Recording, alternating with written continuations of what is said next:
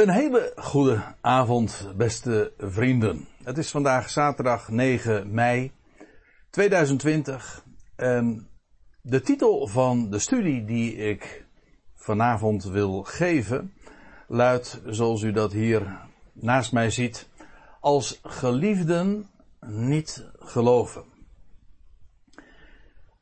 En het is eigenlijk naar aanleiding van een vraag die ik onlangs kreeg dat ik dit onderwerp nu ook aan de orde stel. En ik vermoed eerlijk gezegd, en dat wordt in de mail of in het berichtje dat ik doorgestuurd kreeg ook zo uh, gesuggereerd. En ik denk meer dan terecht dat er meerdere mensen zijn die die ervaring, die beleving hebben.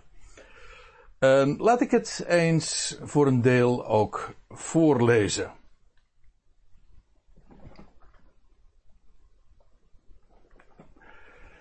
Hoi, zo begint de briefschrijfster. Zo, dankzij corona ben ik weer bij met de studie in openbaring. Dat is de serie die ik uh, tot dusver heb gegeven in, uh, in Rotterdam. Al een, uh, een tweetal seizoenen. Nou ja, in Rotterdam zeg ik. De laatste twee maanden heb ik het gewoon van achter de computer gegeven. Maar uh, daar zijn al uh, inmiddels 23 studies uh, over gegeven. En de briefschrijfster, die schreef me het volgende. De laatste tijd denk ik steeds vaker aan mijn dierbaren die mogelijk niet weggerukt zullen worden. Niet weggerukt, dat doelt dan op, dus een beetje een technische term, maar uit de Bijbel rechtstreeks afkomstig, een ontleend aan de gebeurtenis die Paulus beschrijft in 1 Thessalonica 4, maar ook in openbaring 12 aan de orde komt, dat uh, wanneer uh, de Ecclesia, het volk dat God zich vandaag verzamelt, zal worden weggerukt tot God en zijn troon om het koninkrijk te gaan vestigen in de hemel. Nou, dat is een, een, een, in feite een heel exclusief gebeuren. Dat wil zeggen, een volk wordt weggerukt met achterlating van zoveel anderen. En vandaar dat uh, zij dit schreef. De laatste tijd denk ik steeds vaker aan mijn dierbaren, die mogelijk niet weggerukt zullen worden. En ze vervolgt dan met hen staat ongelooflijk veel ellende te wachten. En daarmee doelt ze ook op de dingen die in het boek Openbaring uh, beschreven worden. En waarvan ik dus ook naar voren breng dat dat allemaal uh, binnen afzienbare tijd zijn beslag zal gaan krijgen wanneer de tijd van verborgenheid uh, voorbij is en dat Christus openbaar zal worden, het koninkrijk geopenbaard zal worden. Maar in die tijd, in die transitie van de huidige aion naar de komende aion, dat zal buitengewoon heftig zijn en het boek Openbaring is daarin spreekwoordelijk. Men spreekt niet voor niks over apocalyptische gebeurtenissen apocalyptisch, dat heeft alles te maken met de naam van dat boek. De apocalyps, de onthulling. En apocalyptisch wil zeggen de, de enorme heftige dingen die zullen plaatsvinden uh, wanneer het koninkrijk hier gevestigd gaat worden en eigenlijk ook grote schoonmaak gehouden zal worden uh, in, in deze wereld. Hè, om, om deze boze aion te vervangen door een hele nieuwe aion. Maar dat gaat niet zonder slag of stoot. Integendeel. Vandaar dus dat ze zegt, ja, ongelooflijk veel ellende staat hen te wachten. Degene die dus niet weggerukt worden, maar hier achterblijven. Mogelijk komen ze na de wegrukking wel direct tot geloof. Mogelijk ook niet. Ja, dat is inderdaad iets uh, wat we niet weten. Je hoopt uiteraard uh, dat, dat uh, degenen die, ja, die je lief zijn, je dierbaren, zoals ze hier genoemd worden, dan alsnog tot inzicht zullen komen. Maar ja, daarover en daarvoor hebben we geen garanties. En ze vervolgt dan nog met, heeft de Bijbel nog hoop voor hen? In die zin, uh, God zij dank is er geen hel.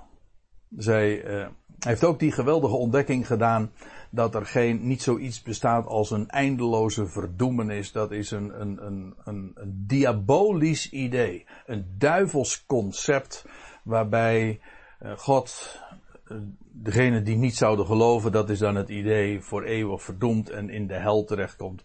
Wel, als je het evangelie kent, want dit is echt een van de, dat dit is de, een van de essenties van het evangelie. Het is werkelijk een goed bericht van God die van zijn schepping houdt en van ieder mensenkind en uiteindelijk alles wel maakt. Dus het hele idee kan rechtstreeks in de prullenbak en, en, dan mag, en mag er ook nooit meer uitkomen. Dus ja, ze zegt, ja, natuurlijk is er hoop voor hen, want we weten, God zij dank is er geen hel. Maar uh, ze zegt, eh, de andere kant van het verhaal is dat als je weet wat er hier op aarde nog allemaal gaat gebeuren, ja, dan uh, zou je kunnen zeggen dat er dan een hel op aarde is.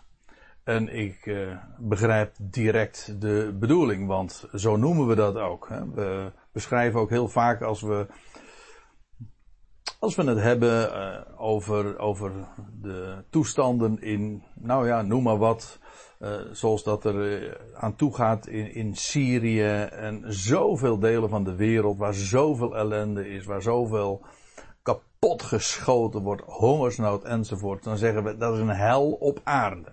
En in die zin, jazeker, dat is er. Maar, ja, je houdt je hart vast. En ze vervolgt dan met, ze overleven mogelijk de, de grote verdrukking. Zelfs dat is niet vast. En ze zullen dan naar Jeruzalem gaan, als ze inderdaad uh, dat overleven, om, uh, om het Loofhuttenfeest te vieren. Met uh, een vraagteken. Zijn het gasten op de bruiloft van het lam? Dat zijn allemaal van die ja, bijbelse gedachten dat de volkerenwereld straks in de toekomende aion jaarlijks zal optrekken naar de stad Jeruzalem, waar een heiligdom zal staan en onderwezen zal worden in, de, in het woord van Yahweh. Ja, zullen ze dat gaan, dan gaan meemaken? Zullen zij dus daarmee gasten zijn op de bruiloft van het lam? Het idee daarbij is dan weer dat de Heer uh, de bruidegom is en zal trouwen met zijn volk. Het volk van Israël, de, de bruid. En dat de volkerenwereld die dag eigenlijk uh, gaan meemaken, die, die aion, dat wereldtijdperk, uh, als, een, als een bruiloft, als gasten op, uh, bij dat geweldige feest. Nou, gaan ze dat beleven? Gaan ze dat meemaken? Ja, dat zijn allemaal vraagtekens, want daar weten we eigenlijk niks van. En ze vervolgt dan even later met: Ik zou het fijn vinden als je op enig moment daar eens een studie over zou willen houden. Ik neem aan dat ik niet de enige ben met vragen of zelfs zorgen hierover. En dat denk ik dus eerlijk gezegd ook niet. En vandaar dat ik daar toch eens wat dieper op inga. Ik denk dat het heel goed is om je te realiseren dat uh, aan de ene kant dat ons als gelovigen een, geweldig voorrecht is ten deel gevallen om, om, om betrokken te zijn in, in, in de vestiging van het koninkrijk, ook daarboven in de hemel. En, en die geweldige wereldtijdperken die nog gaan komen om dat te gaan meemaken en te beleven. Maar je moet je aan de andere kant ook ervan bewust zijn dat dat een voorrecht is dat niet iedereen ten deel valt. Ook al is het waar dat uiteindelijk het voor alle mensen goed komt en dat alle mensen de heerlijkheid zullen beërven. Ja, eh, je, je zou het moeten vergelijken met een, een, een diverse fasen waarin dat, dat nieuwe leven zich openbaart. Uh, het is net als uh, in het voorjaar. Het is nu voorjaar dat ik deze dingen ook vertel. Het is begin mei, zoals gezegd. En ja, hoe gaat dat dan? In, in februari, januari zelfs al, eh, dan, dan verschijnt het eerste nieuwe leven. Dat zijn dan eerstelingen. En iedere keer in de maanden maart, april, mei, uh, krijg je weer nieuwe uitingen van het voorjaar. En alles ook op gezette tijden. Alles in zijn rangorde. Paulus spreekt daar ook over in, eh, in 1 Korinthe 15. Ja, Christus de eersteling, hij is verrezen en vervolgens die van Christus zijn in zijn parousia. En alles gaat zo in een bepaalde rangorde, in een volgorde, niet allemaal tegelijk. En uh, als je het zo bekijkt, is het natuurlijk geweldig dat je uh, mag behoren bij, bij, bij de eerste lichting. Bij, al op zo'n vroeg tijdstip daarvan mag genieten. Een eersteling mag zijn. En daarmee ook de hoogste bestemming mag hebben. Want zo gaat het in de Bijbel altijd. Het eerste, dat krijgt de hoogste bestemming. Maar dan ook in het besef van ja, eh, de eerste, maar de rest zal nog volgen. Alleen op een later tijdstip. Niet allemaal tegelijk. En de vraag is dus, die hierin doorklinkt, in deze mail die ik nu zo doorlees. Moeten wij ons daar zorgen over maken? Is het logisch om dat te doen? En ja, wat, wat is je houding dan naar, naar je dierbare daarin? En dan uh, is het uiteraard niet de bedoeling dat ik daar wat over ga, ga filosoferen. Ik, wat ik nu naar voren breng is de vraag die, die dan uh, opkomt en die klinkt en die je zo goed kunt voorstellen. Maar het antwoord dat moet dan toch echt uit de Bijbel komen, logischerwijs. En het is de schrift die ons daarin de, uh, het kompas is en daarin ook de weg uh, zou wijzen.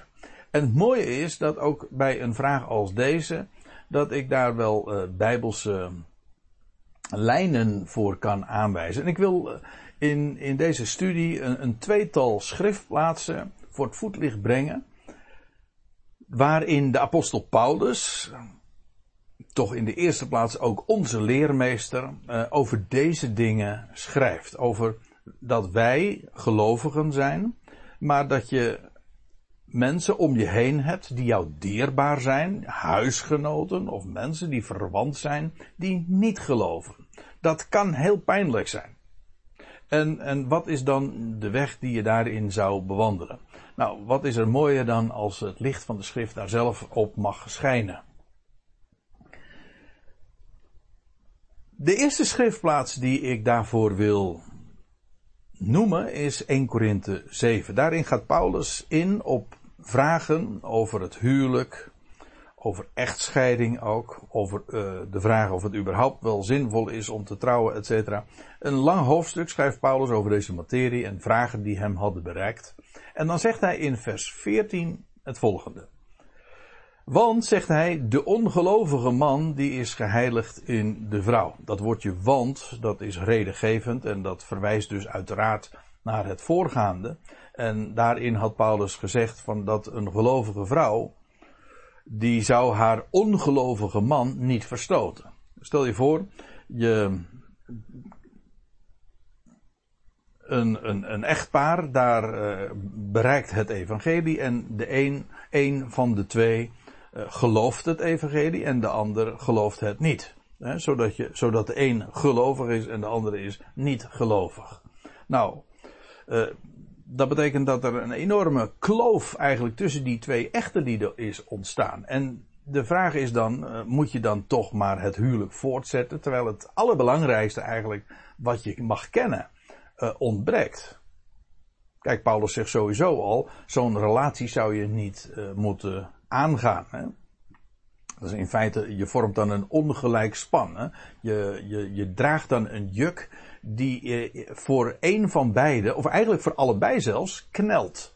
Want de ongelovige die heeft net zo goed ook de problemen uh, om, om, samen te leven met, uh, met iemand die criteria, denkwijze heeft en, en, en, en, een passie kent die hij of zij totaal niet deelt. Dat is ook problematisch van, van de ongelovige zijde. Kortom, het is een, een juk dat je draagt en dat knelt. Het is een ongelijk span, noemt Paulus dat. Maar uh, het verhaal hier is een andere, want dan gaat het om het gegeven. Uh, er is sprake van een echtpaar. Een van beiden gaat geloven en de ander blijft ongelovig. Of die wordt niet gelovig dus. Die wijst het af. en dan zegt Paulus van, ja, die gelovige vrouw zou haar ongelovige man niet verstoten. En uiteraard, als het een gelovige man zou betreffen met een ongelovige vrouw, uh, geldt hetzelfde. Je zou het niet verstoten. Waarom dan niet? Nou, daar noemt hij verschillende redenen. Maar de reden die hier in dit vers genoemd wordt, uh, daar wil ik eventjes op wijzen. Want dan zegt hij, de ongelovige man, uh, eerst nog eventjes dit. De ongelovige man. Wat, wat, wat bedoelen we daar eigenlijk ook mee? Wat is een ongelovige? En daarmee eigenlijk ook de vraag uh, die je automatisch daarmee ook beantwoordt. Uh, wat is een gelovige? Nou, uh, ik moet er even heel erg sterk benadrukken. Wij gebruiken de term gelovige meestal voor iemand die religieus is. Oh, dat is een gelovig iemand. En dat kan dan een, een, een, een protestant, een katholiek, of voor mijn part een moslim of een boeddhist zijn. Maar ze zijn allemaal, dat zijn gelovige mensen. Nou, of misschien gebruiken we het iets enger en dan bedoelen we iemand die naar de kerk gaat. Ik wil met nadruk zeggen, dat is niet de Bijbelse gedachte. Als we het hebben over gelovig, dan moet je een andere vraag stellen en dat is, wat gelooft iemand?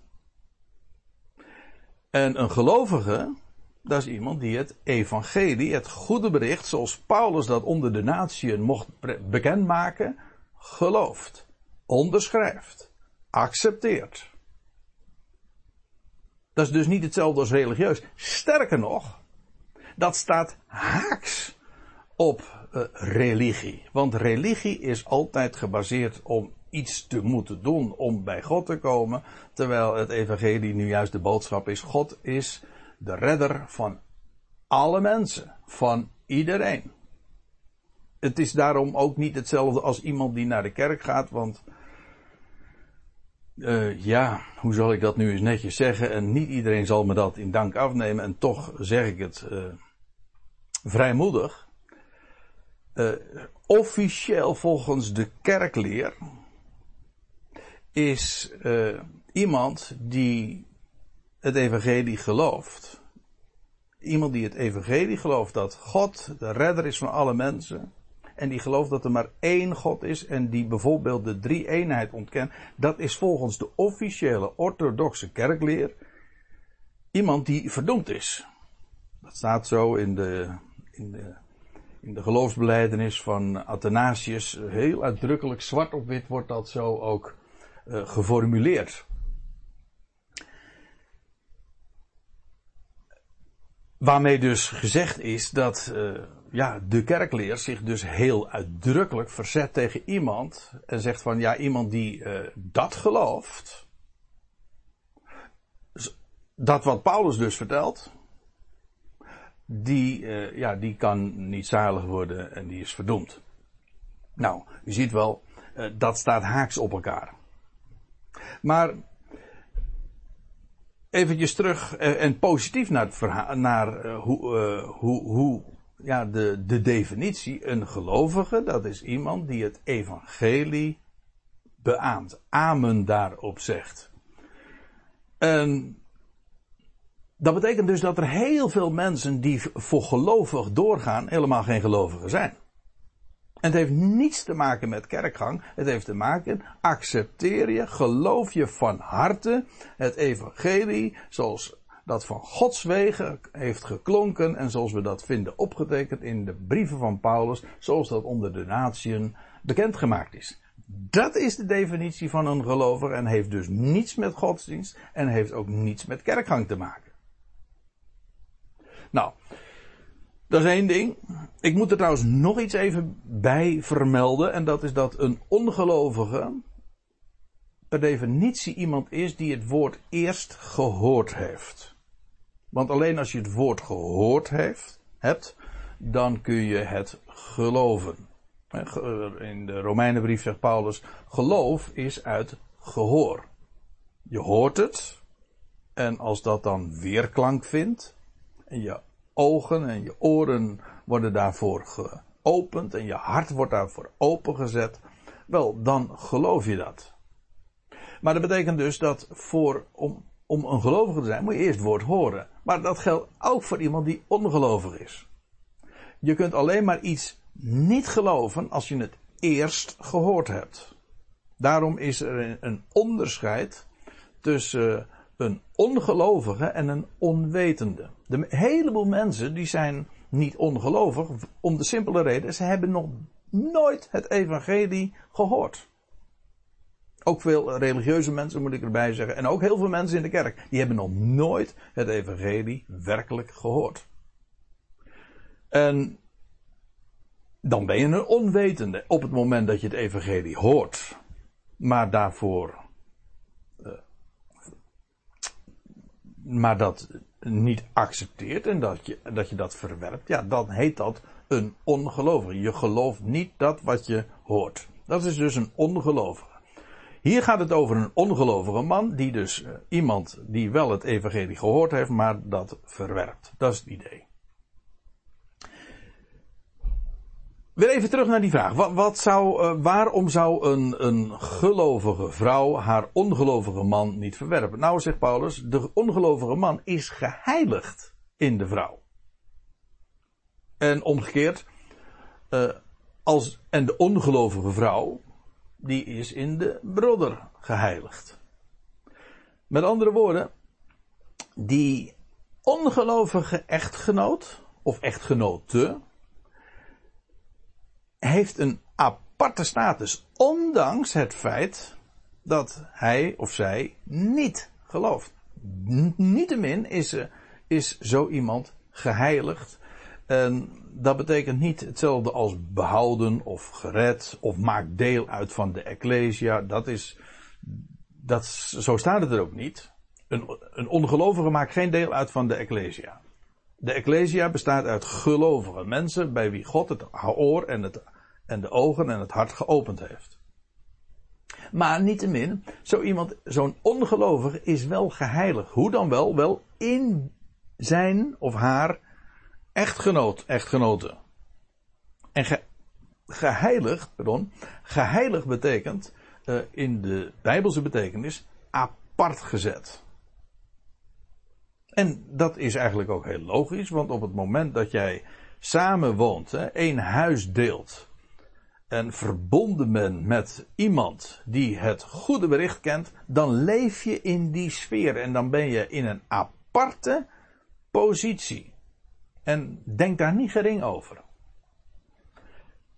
Want daar gaat een, een geweldige zegen ook van uit.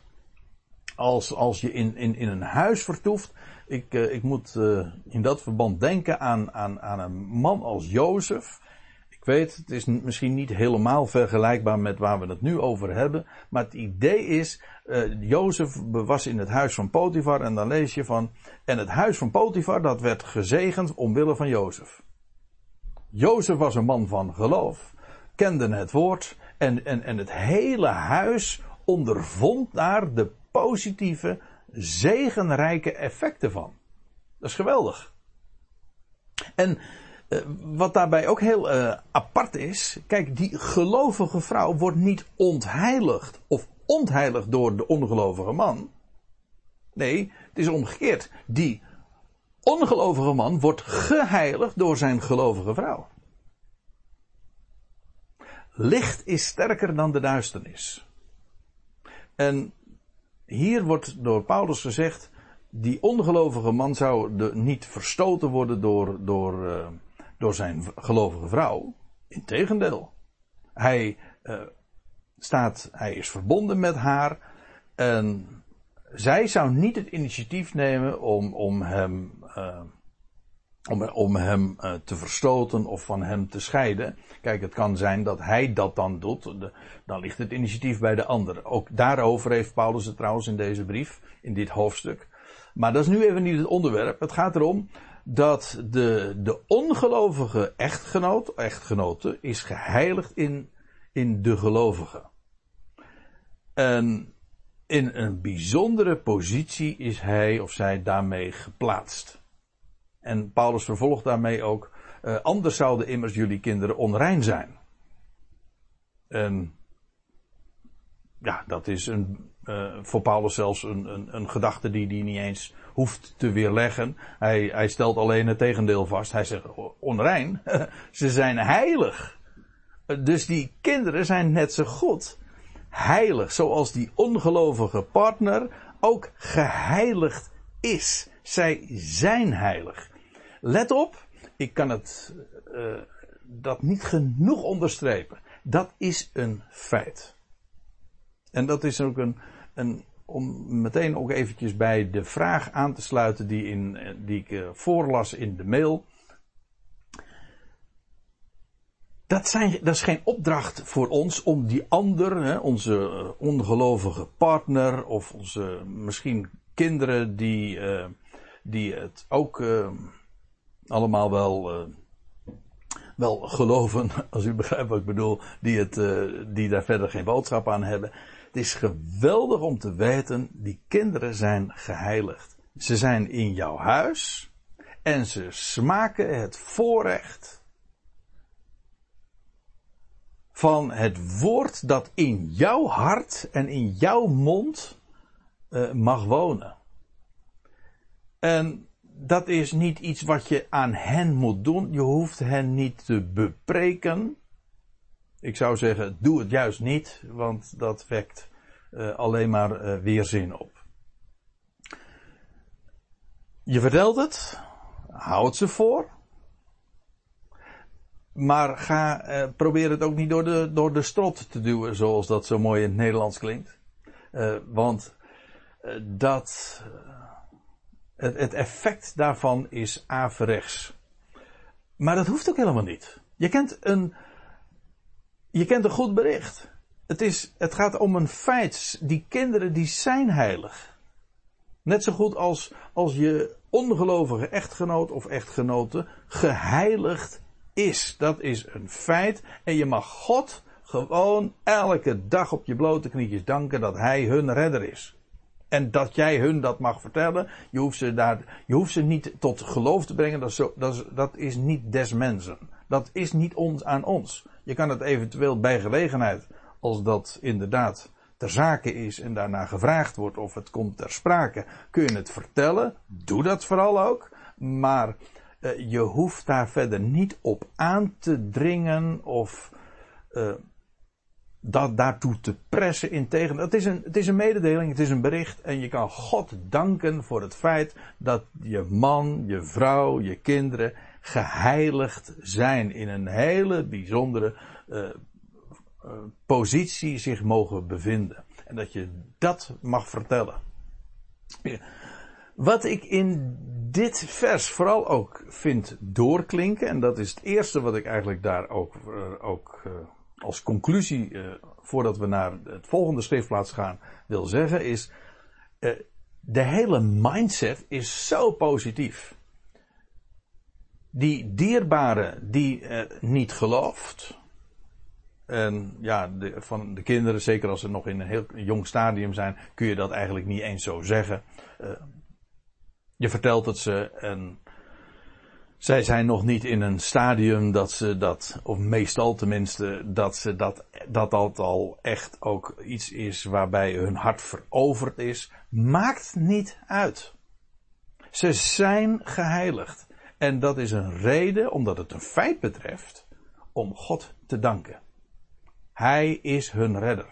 En, en die, die insteek, de, de vreugde om wie hij voor hen is en dat je dat mag delen, ja, dat is, dat is gewoon een, een geweldige vreugde. En ik denk ook dat dat uh, voorop moet staan. In de eerste plaats, uh, het, we, we kennen een evangelie en God is een redder. Kijk, en het is ook zo dat jij, als man, als vrouw, je houdt van je ongelovige echtgenoot of echtgenote. Of, en je houdt van je kinderen, maar weet één ding zeker. Er is een God die nog veel meer van hen houdt dan jij ooit van ze kunt houden. Gods liefde is een feit. En daar, van hem kom je nooit af. Hij laat nooit varen, nooit, de werken van zijn handen. Dat is een bijbelse garantie. En elke creatuur is van hem. En ja, dat is de vreugde waar we elke dag uit mogen putten. En doe dat vooral ook. En zo, ja, in die sfeer in, eh, mag je in je huis vertoeven en, dank God uh, zelfs voor die ongelovige man of vrouw. dat zij in die sfeer uh, groot, of ja, die kinderen groot worden, en maar ook dat zij in die sfeer uh, mogen vertoeven. Dan ga ik naar de tweede schriftplaats, Romeinen 9. In de acht voorliggende hoofdstukken heeft Paulus uitvoerig en ook heel systematisch de rijkdom van het evangelie uiteengezet. En nu, vanaf hoofdstuk 9, die hoofdstukindeling is natuurlijk van latere datum, maar goed, uh, voor, het gemak, uh, voor het gemak gebruiken we, die ook. Uh, vanaf hoofdstuk 9 en ook in hoofdstuk 10 en in hoofdstuk 11 gaat hij vervolgens spreken over de betekenis van Israëls ongeloof. Dat was voor Paulus maar geen theoretische kwestie. Absoluut niet. Paulus was gegrepen door Christus. En nu uh, hij daardoor gegrepen was, sinds hij daardoor gegrepen was, uh, heeft hij die geweldige tijding bekendgemaakt aan zoveel anderen. En met name, en in de eerste plaats, hij zegt dat ook in Romeinen 1, in de eerste plaats uh, de Jood. Het evangelie is een kracht gods tot redding. Eerst voor de Jood en ook voor de Griek. En ja, waar Paulus uh, op, op stuitte, iedere keer weer opnieuw, is dat het uh, evangelie juist in de synagoge, onder zijn volksgenoten, op zo enorm veel verzet stuitte. En de hele historische, het historische verslag daarvan vinden we in het boek De Handelingen. En hoe Paulus met name dat ook persoonlijk heeft ondervonden. Hoe hij overal waar hij kwam eerst naar de synagoge ging. Dat was ook in de gang van zaken in het boek De Handelingen. Uh, eerst de Jood benaderde, benaderde hij. En, en uh, ja, het is eigenlijk vaste prik dat hij dan ook, uh, als hij in de synagoge uh, op de Sabbaten vertelde van de Messias en wie die Messias is en dat bewees aan de hand van de, van de Tenach, de Hebreeuwse Bijbel, ja, dan stuit hij iedere keer op ongeloof. En de grote vraag is dan, hoe kan dat? Hoe kan Israël, terwijl voor hen in de eerste plaats toch de Messias is, uh, hoe kan, kunnen zij dan uh, deze boodschap verwerpen? Nou, op die vragen gaat Paulus heel diep in. Maar ik behandel dit eigenlijk vanuit een specifiek oogpunt, namelijk vanuit de vraagstelling die ik in de aanvang al voorlas, namelijk uh, hoe Paulus omging met het, het gegeven dat, dat zijn dierbare, dat volk dat hij zo lief had en waar hij zelf deel van uitmaakte, dat die niets moesten hebben van het evangelie. Hij zegt in Romeinen 11, ze zijn, ja, ze zijn beminden om der vaderen wil, maar ze zijn vijanden naar het evangelie. En dat is voor Paulus een buitengewoon hard gelach geweest. Dat hij moest uh, ondervinden dat zijn, zijn geliefde volksgenoten het evangelie verwierpen. En wat was Paulus' houding daarin? Nou, laat ik uh, dan lezen vanaf vers 1 in Romeinen 9. Hij zegt, ik spreek waarheid in Christus. Ik lieg niet, want mijn geweten getuigt samen met mij in Heilige Geest. En hij benadrukt hierin, het is feitelijk een soort van eedswering, uh, want hij benadrukt dat het uh, volstrekt de waarheid is. Hij, dat hij niet liegt. En zijn geweten getuigt, het is bovendien in heilige geest. Het was zijn heilige overtuiging en ook wetenschap dat hij hiervan sprak. En wat dan wel? Wel, dan zegt hij dat droefheid in mij is. En een grote, ononderbroken pijn in mijn hart een voortdurend hartzeer, zegt de NBG-vertaling.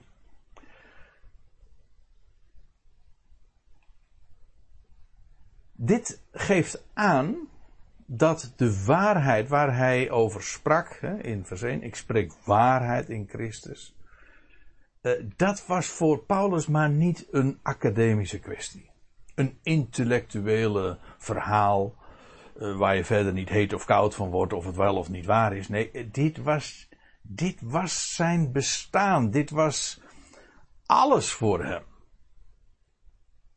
En hij ging hier ook volledig voor. Maar het betekende ook dat er bij hem met al zijn vreugde. Hij, hij, we weten uit zijn brieven, in de Filipijnse brief benadrukt hij het een en andermaal zo vaak. Uh, dat hij voortdurend zich verblijde in Christus. Ja, maar vreugde, deze vreugde, kan hand in hand gaan met een pijn. En dat was voor Paulus ook zo. Hij had ook een droefheid. Een ononderbroken pijn in zijn hart. Een hartzeer. En dat had alles te maken met de houding en het ongeloof van, van zijn volksgenoten. Ik wil trouwens nog op nog iets even wijzen. En dat is dat Paulus in dit verband spreekt over dat er bij hem een voortdurende droefheid en ononderbroken pijn is. Hij gebruikt die termen. Hij spreekt niet van bezorgdheid. Dat is wat anders. In, uh, als het gaat om bezorgdheid zegt hij van wees in niets bezorgd. Om de simpele reden, er is er een die zorgt en dat kun je allemaal gerust aan hem overlaten. En dat is, was voor Paulus ook in verband met de vragen waar hij het hier over heeft. Het was geen zorg, maar het was wel pijn. En ik wil dat ook eigenlijk zeggen voor degenen die, die moeite hebben. En wat ook in de, de mail in de aan, die ik in de aanvang voorlas uh, doorklinkt. Dat, dat, je, uh, dat het pijnlijk kan zijn. En eigenlijk ook eigen is aan liefde.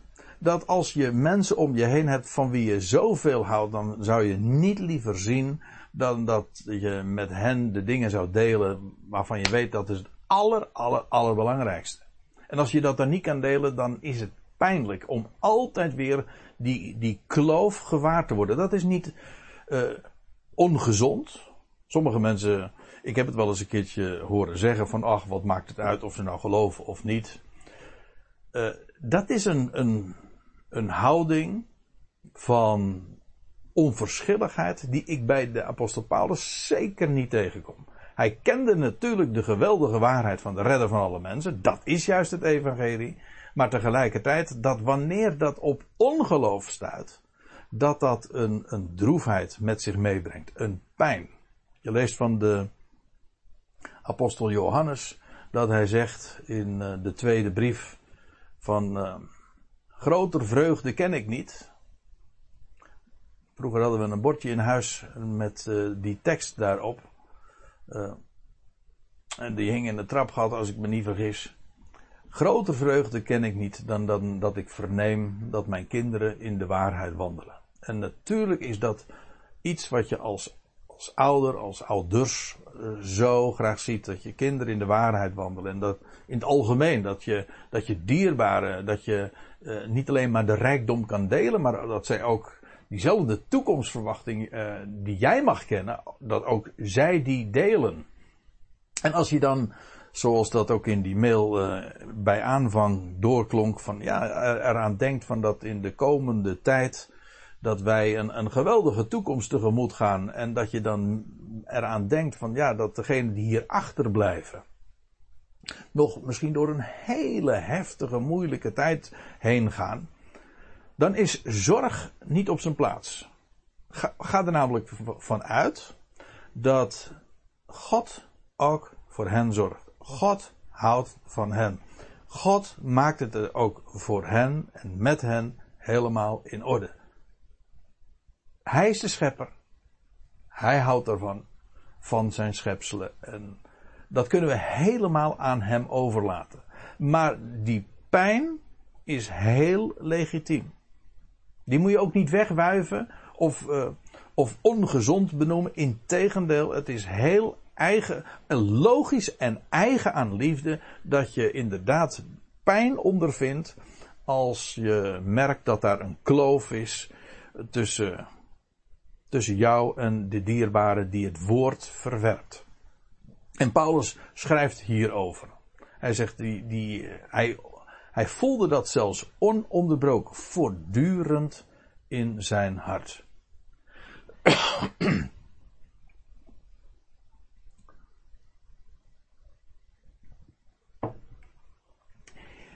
Hij zegt in vers 3, dan vervolgt hij, hij zegt, ik wenste zelf met een anathema van Christus verwijderd te zijn.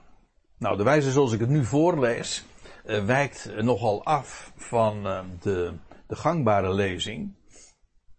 En uh, bijvoorbeeld in de MBG of de Statenvertaling, eigenlijk alle gangbare vertalingen, voor zover ik weet, zeggen dit in de tegenwoordige tijd, terwijl Paulus dit in de verleden tijd formuleert. Het Grieks staat hier onmiskenbaar een verleden tijd. Hij zegt niet ik zou wensen. Nee. Of ik wens. Nee, ik wenste. Verleden tijd. Ik wenste zelf. Met een anathema uh, van, uh, van Christus verwijderd te zijn. Dat woordje anathema, dat wordt uh, hier vertaald met verbannen. Elders wordt het vertaald met een vloek. Paulus zegt bijvoorbeeld in, in Galaten 1 dat indien iemand jullie een evangelie verkondigen, afwijkend van hetgeen ik jullie heb verteld, die, of nee, dat evangelie zij vervloekt. Dat staat onder een anathema, een vloek. Dat is verdoemd. Of ik zou haar zeggen, dat is een verdomd evangelie. En trouwens, zo'n evangelie van verdommenis, als u begrijpt wat ik bedoel, dat wordt juist uh, zo, op zoveel kansels gepredikt. En dat is geen evangelie. Maar, uh, terug naar dat woordje anathema. Paulus zegt, ik wenste zelf met een anathema van Christus verwijderd te zijn. Hij doelt hier op het, zijn eigen verleden, dat hij als vijand van het evangelie zelf ooit wenste een vloek van de Christus te zijn. Voor hem was de naam van Christus een vloek, maar omgekeerd was hij ook bereid zichzelf te vervloeken. Hij zegt, ik wenste zelf met een anathema van Christus verwijderd te zijn. Hij was bereid zichzelf te vervloeken. Vanwege zijn haat voor Christus. We hebben daar trouwens een prachtig, nou ja, tussen aanhalingstekens, uh, voorbeeld van in uh, het boek Handelingen. Gaat trouwens ook over Paulus. Als Paulus dan in, uh, van Jeruzalem naar Caesarea ver, uh, verkast moet worden, dan lees je dat er een, een, een, groep van Joodse samenzweerders was, die, uh, die Paulus wilde doden. Over, dat waren net zulke fanaten als Paulus ooit zelf was. Maar nu Paulus omgekeerd was en nu uh, met dezelfde liefde waar, als waarmee hij ooit Christus, uh, nu met, nee, laat ik het zo zeggen, met dezelfde passie, uh, nu Christus predikte waarmee hij Christus ooit vervolgde. Wel, er was een hele groep die Paulus wilde ombrengen en ze hadden zichzelf, staat er zelfs in Handelingen 23 vers 14, vervloekt, onder een vloek gesteld, onder een, en dan wordt ook dat woordje anathema gebruikt, ze hadden zich uh, onder een anathema geplaatst en ze zouden niet eten en drinken voordat Paulus gedood zou zijn. Hoe ze dat hebben gerealiseerd uiteindelijk weet ik niet, want het is hun niet gelukt. Maar in ieder geval, dat is wat we van hen lezen. En wel, Paulus uh, was zelf iemand, uh, ooit die met een anathema van Christus verwijderd wilde zijn. Het, waarom? Wel ten behoeve van mijn broeders, mijn verwanten naar het vlees. Kijk, Paulus spreekt hier heel duidelijk uh, met zoveel liefde over zijn volk. De liefde die hij had voor zijn broeders, zijn verwanten naar het vlees. Die, zij waren voor hem alles. Ja, in het verleden was dat in haat tegen Christus. En het was hij, dat hij zich onder een vloek wenste te stellen, allemaal ten behoeve voor zijn Joodse volksgenoten. En nu heeft hij nog steeds die liefde voor zijn broeders. Maar nu is het niet eh, vanwege of in haat tegen Christus, maar in liefde van Christus. Dus hij zegt, eh, hij wijst nu eigenlijk eh, op, op zijn eigen verleden. Hij zegt, ik was ooit zo als mijn broeders naar het vlees, mijn verwanten, nu zijn.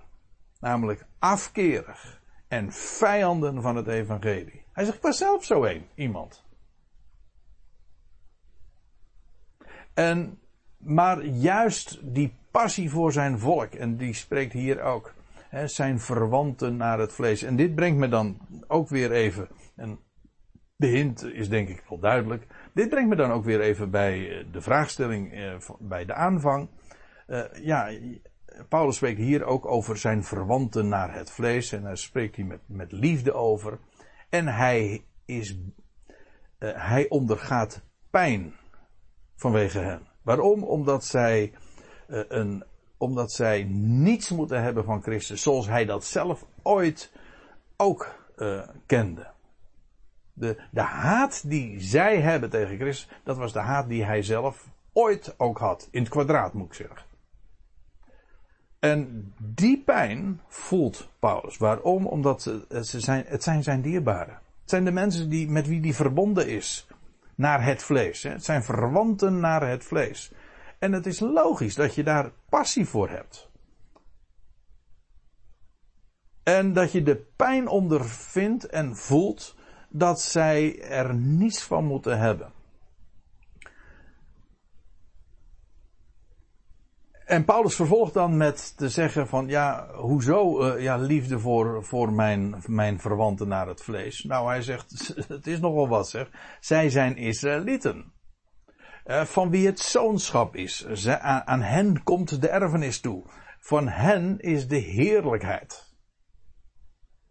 Van hen zijn de verbonden. Niet alleen het oude verbond, ook het nieuwe verbond is net zo goed voor hen. Van hen is de wetgeving. Van hen is de eredienst. Van hen zijn de beloften. Ah, die Israëlieten, Paulus somt hier op waarom hij zo'n liefde heeft voor dat, voor, die, voor dat volk. Wel omdat aan hen zulke geweldige voorrechten de neel zijn gevallen. En beloften zijn gegeven. En hij noemt er hier een hele rits van, van zeven, acht uh, voorrechten aan wie uh, die zijn toevertrouwd aan de Israëlieten. Maar des te pijnlijker was het voor hem.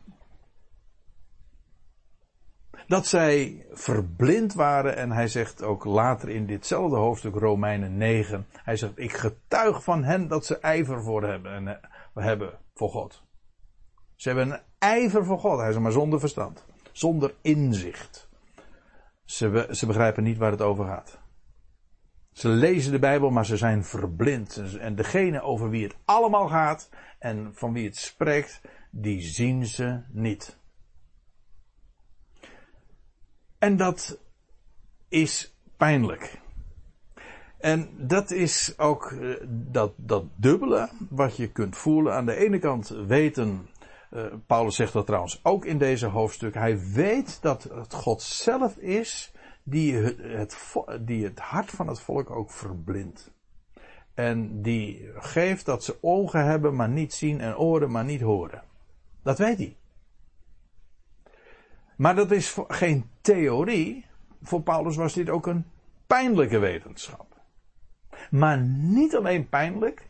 Het was ook een wetenschap die hem zo in beweging zette. En uh, ja, ook een, een, een pijn. Uh, ja, en ik moet denken aan wat, wat, je, wat Paulus schrijft in 1 Thessalonica 4, dat hij dan zegt uh, over de, de overleden gelovigen. Dan zegt hij van, nou ja, hij zegt, we zijn bedroefd. Natuurlijk, als je gelovigen, als je medegelovigen naar het graf brengt, geliefden naar het graf brengt, dan ben je bedroefd. Maar zegt hij erbij, niet als degene die geen hoop hebben. Dus die droefheid heeft zijn plaats. Maar het is altijd met een goudrandje. Het is altijd met dat geweldige perspectief. En dat is ook precies waar Paulus het hier over heeft.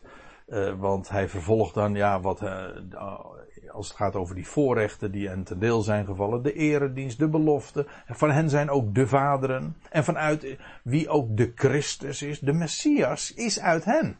Nou ja, naar het vlees gesproken dan.